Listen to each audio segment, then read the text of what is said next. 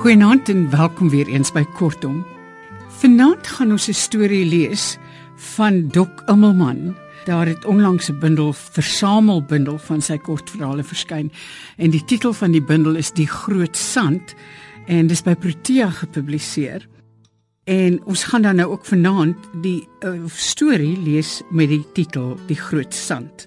Chris van die kerk gaan dit vir ons lees, maar ek wil dan net sê voor ons dit begin lees Dit het aanvanklik in die huisgenoot verskyn in 1955.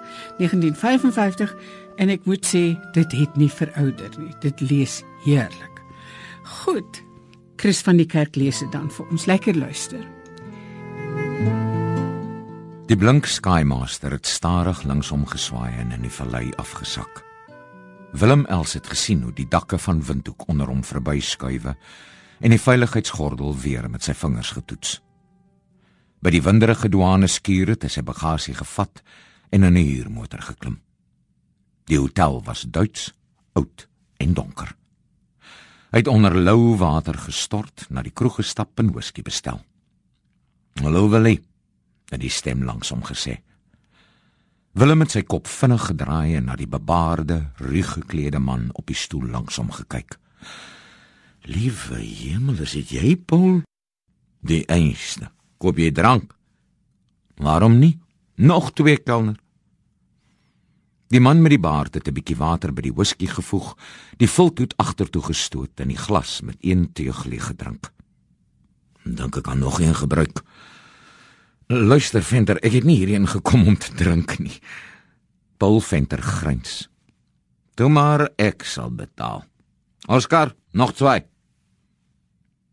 Die man het klaar gedrink en na die agterplaas van die hotel gestap. By die vragmotorkie het Venter gaan staan. My getroue ou bak en al wat ek in die wêreld het, kos gerye entjie.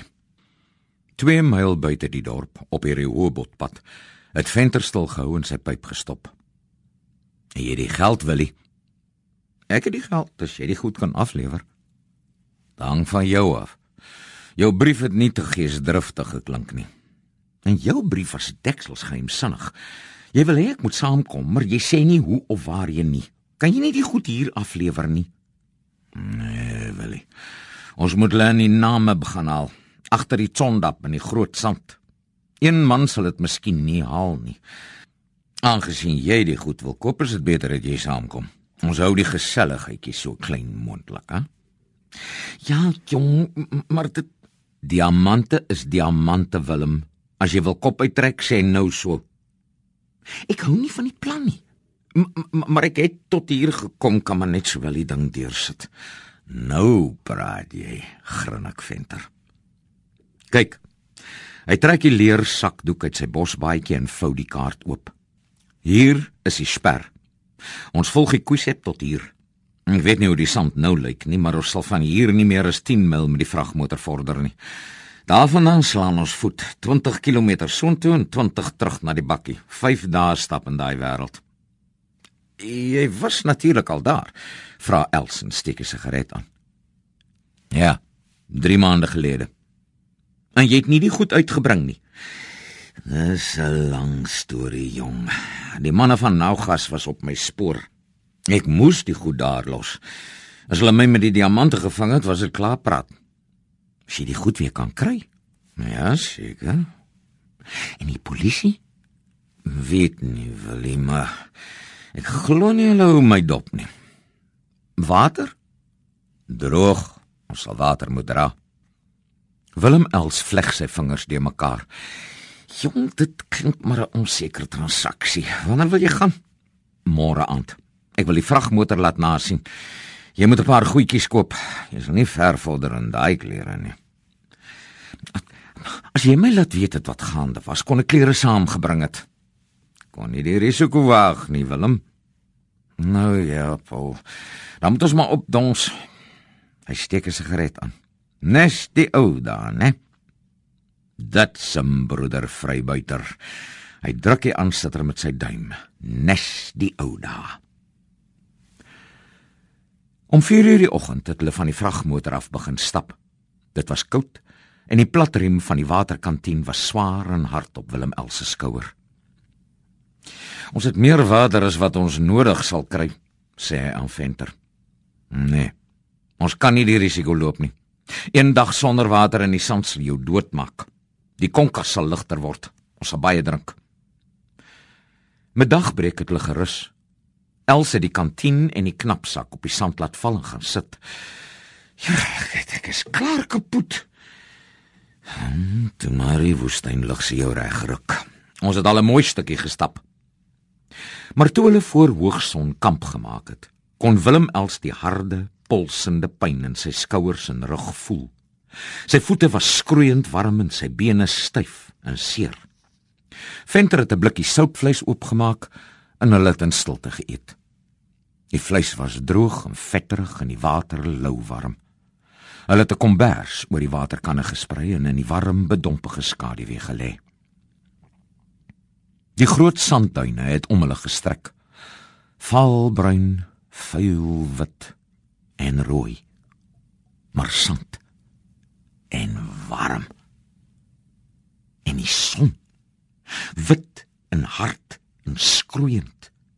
Hitte golwe het oor die duine galop en die horison verbrokkel. Na 'n lang tyd het Els ingesluimer en gedroom dat die warm sand in sy keel afloop. Om 5uur het hulle die kombers opgerol en water gedrink. "Jy moet stadig, jong," het Venter gesê. "Hierdie water moet 5, miskien 6 dae hou." Ek, ek is dors. Ek weet. Maar moenie meer drink as wat nodig is nie. Probeer minder rook, dit maak die dors erger. Hulle het gestap totdat dit te donker was om te sien. Tussen twee duine het hulle gaan sit en blikkies vleis en beskuit geëet. Willem Els was te uitgeput om sy sigaret klaar te rook. Hy het sy skoene afgeskop sonder om die veters los te maak, die kombers oor hom getrek en geslaap. "Word wakker!" het hy Paul Venter se stem van ver gehoor. Hy het stadig oorent gekom en die pyn in sy liggaam gevoel. Dit was baie koud en sy voete was dood. Els het die sandkorrels van sy gesig gevryf en opgestaan. Sy kuit en duispiere was harde bondels foltering en die bloed het in sy ore gebruis. Blikskol. Kan ons nie nog slaap nie, jong? Die maan is uit. Ons moet stap solank dit koel is. Kom. Els het die nuwe breë randhoed wat hy in Windhoek gekoop het opgesit en die patroonband en pistool om sy middel vasgegespe. Versigtig het hy die knapsak in die waterkantien oor sy skouers gelig en gevoel hoe die rieme in sy vleis byt. Venter was reeds bo op die duine. Die halwe omgekeerde maan het lang skaduwees agter die duine gemaak en die landskap koud en spookagtig laat vertoon. Els het probeer spoeg, maar sy mond was te droog. Strompelend het hy die duin begin uitklim. Sonop het hulle gerus. Die koue en meeste van die pyn van die vorige dag se stap was nou uit sy liggaam. Els het koue vleis geëet en die beskuit en water geweek. Hy het 'n sigaret aangesteek en teen die knapsak en die kombers geleun. So dit was die Namib. Die spergebied van die ou Duitsers. Die verbode land waar diamante opgetel kon word. 'n Wrede, gevoellose wêreld van sand en son en dors. Baie mense het al die sperre ingegaan. 'n Paar van hulle het uitgekom. Party skatryk, ander gebroke en waansinnig. Maar die meeste het nie teruggekom nie. Die skuivende sand het hulle bene toegewaai. Die woestynwind het oor hulle onbekende graftes gehuil. In elke kroeg in Suidwes kan hulle verhale gehoor word. Mense wat wou ryk word mense soos hy en Venter. Hoe ver nog? het hy Willem gevra. Ja, is moeilik om te sê. Venter het die kompas met sy vinger getik. Ek reken ons behoort môre teen hierdie tyd daar te wees. Jy seker ons loop reg. Die sand lyk vir my oral eners. Ja, ons loop reg. Die groot ding is om die bome te kry. Maar jy hoef nie bekommerd te wees nie, ons sal die bome kry. Werktuiglik het Willem Els agter venter geloop. Die wit verblindende son het op hulle afgeskiet en die duine was stikkende, bewegende, dansende gedrogte. Hulle het tweemaal gerus en water gedrink. Die duine was nou rooi en baie hoog en skroeiend warm. Die twee manne het nie meer oor die sand geloop nie, maar tussen sandberge deurgevleg. Willem Els het nie meer gesweet nie. Sy voete was groot en warm, seer in sy skoene en hy het platvoet geloop in die spore wat Venter gemaak het. Sy lippe en neus was droog en gebars en sy longpype het gefluit as hy die warm lug sluk. Eenmal het hulle gemsbokke gesien, 'n latere dier wat hulle nie kon herken nie. Hulle het weer gerus. Elsie die prop van die waterkantien losgewikkel en die waterreuk was skerp in sy neus. Gulsig het hy gedrink en gevoel hoe sy maag kramp en die sweet op sy gesig uitbreek. "Stadig, jou swaap," het Venter geroep. "Wil jy jouself doodmaak?" Water het van Els se mond gedrup en sy asem het diep en swaar gekom. Met rooi opgeswelde oë het hy na die ander man gekyk. Venter het sy mond tweemaal uitgespoel en toe stadig begin drink. Vandat hulle begin stap het, het Venter nog nie eenmal gekla oor die hitte in die dors nie. Nog nie eenmal het hy gestruikel of moeg voorgekom nie. En met eens het Els die man met die baard gehaat sy selfbeheer en wilskrag en uithou vermoë in sy groot sterk liggaam het Els gehaat. Willem het 'n sigaret aangesteek, maar sy lippe was stikkend en rou en sy wange styf en seer toe hy die rook intrek. Hy het die sigaret lomp weggeskiet en met sy kop op die warm sand gaan lê, sy hoed oor sy gesig. Die volgende oggend het die duine minder en kleiner geword en die grond klipperig en gelyk. Die groot rooi sand was agter hulle en dit was 'n verligting om oor die betreklik gelyk oppervlakte te loop. Daar Venter het gaan staan en die geweer effens gelig. Die bome. Els het sy oë geknip en voor hom uitgetuur. Ver agter die gelykte was daar sand. En dis kan die sand was daar 'n dun vaal streep. Ja? Vra Jesus. Dis 'n onderaardse rivier. Dis nie nou meer ver nie. Kom. By die rotse onder die knoesterige kameeldorings het hulle gerus. Hoeveel verder? het Els gevra en sy gekneusde skouers met sy hand gevryf. Mm, 3-4 myl, miskien minder. Ons kan voormiddag daar wees. By die drie plat klippe in die loopie het Venter die knapsak, die waterkan en die geweer neergesit.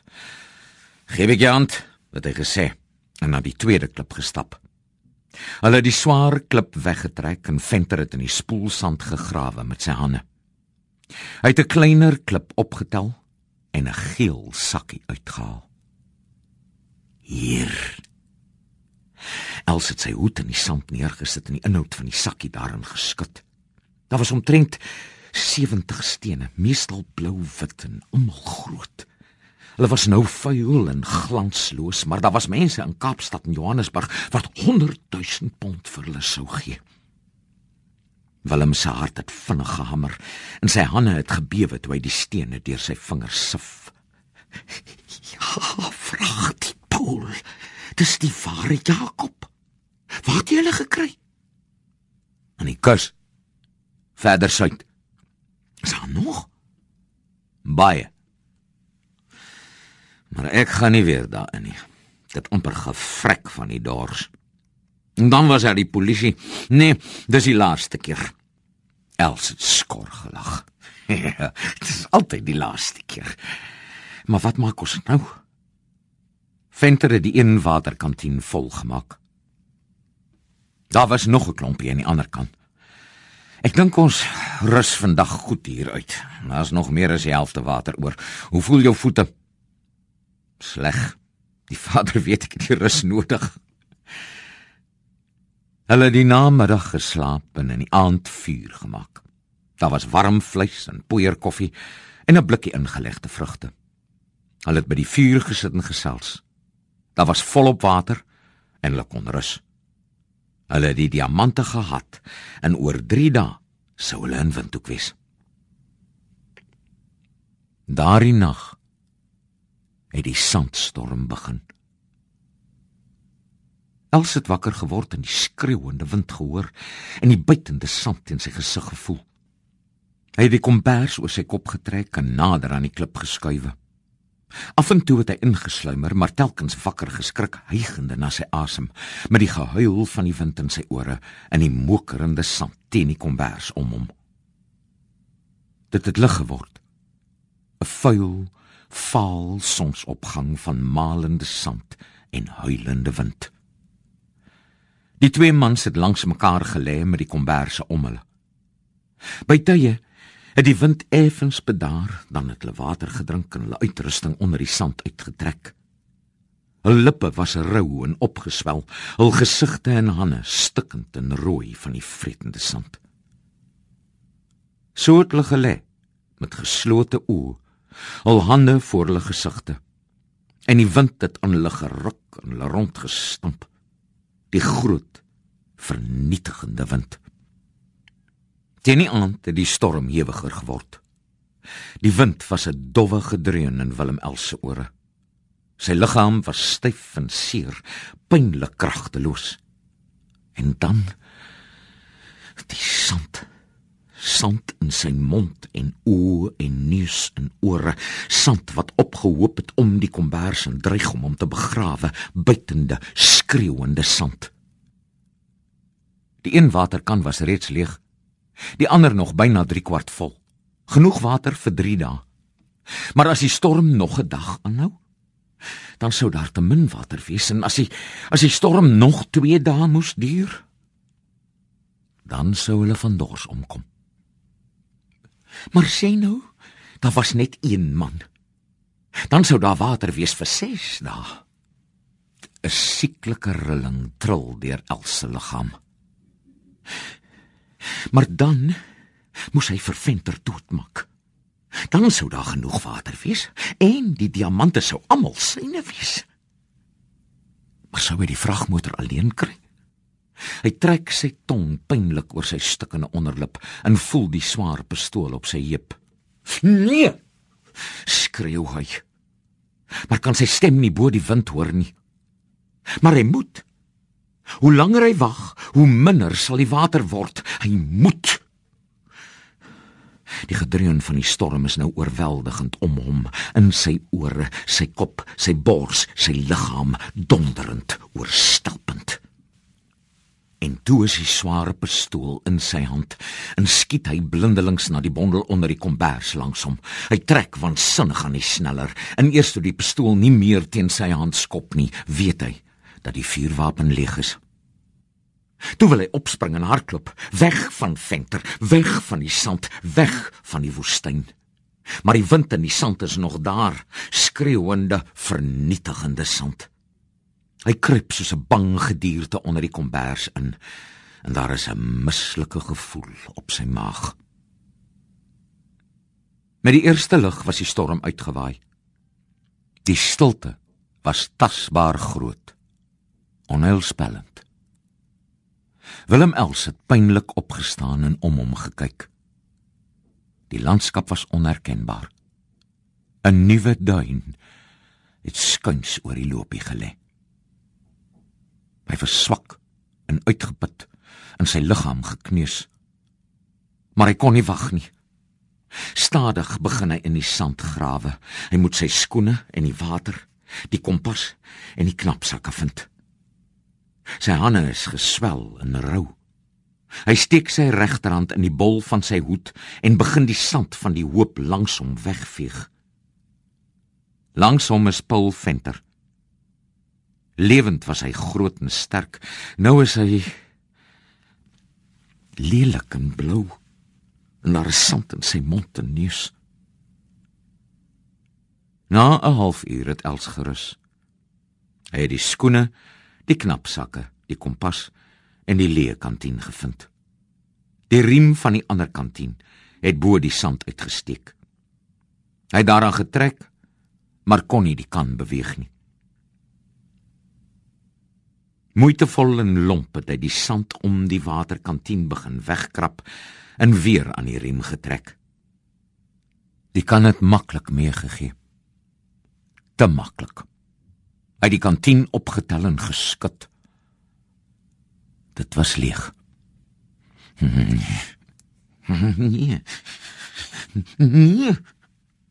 Wurg dit in sy keel. Dit kan nie wees nie. Hy moet hom misgesit. Dis die wind en die sand en die hitte wat sy brein. Toe sien hy die twee koelgate in die ander waterkantien. Hy gaan sit en staar met dowwe oë na die konka. Weer is die gedreun van die sandstorm in sy ore, weer voel hy die pistool in sy hand ruk. Maar al die koels het nie hulle skuif gevind nie. Nee. Twee van hulle is deur die waterkantien. Die water wat lewe beteken. Nou was die waardevolle lewenskenkende vog in die sand van die Namib. En dit was 2 dae stap na die vragmotor. 2 dae deur skroeiende sand onder 'n koperson. Sonder water. Met eens begin hy lag. Die maan was al bo die horison. Nog altyd het die man langs die waterkantien gesit. Dit was koud en stil. Rondom hom was die sand. Toe lig Willem Els die groot pistool uit die skede en stoot 'n patroon in die magasyn.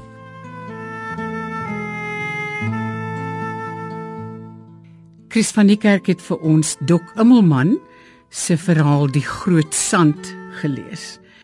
Dit kom uit 'n bundel uit met dieselfde titel, Die Groot Sand, wat by Protea verskyn het. Van my mag geluid alles van die aller aller allerbeste. Mag dit met ons almal goed gaan. Totsiens. thank you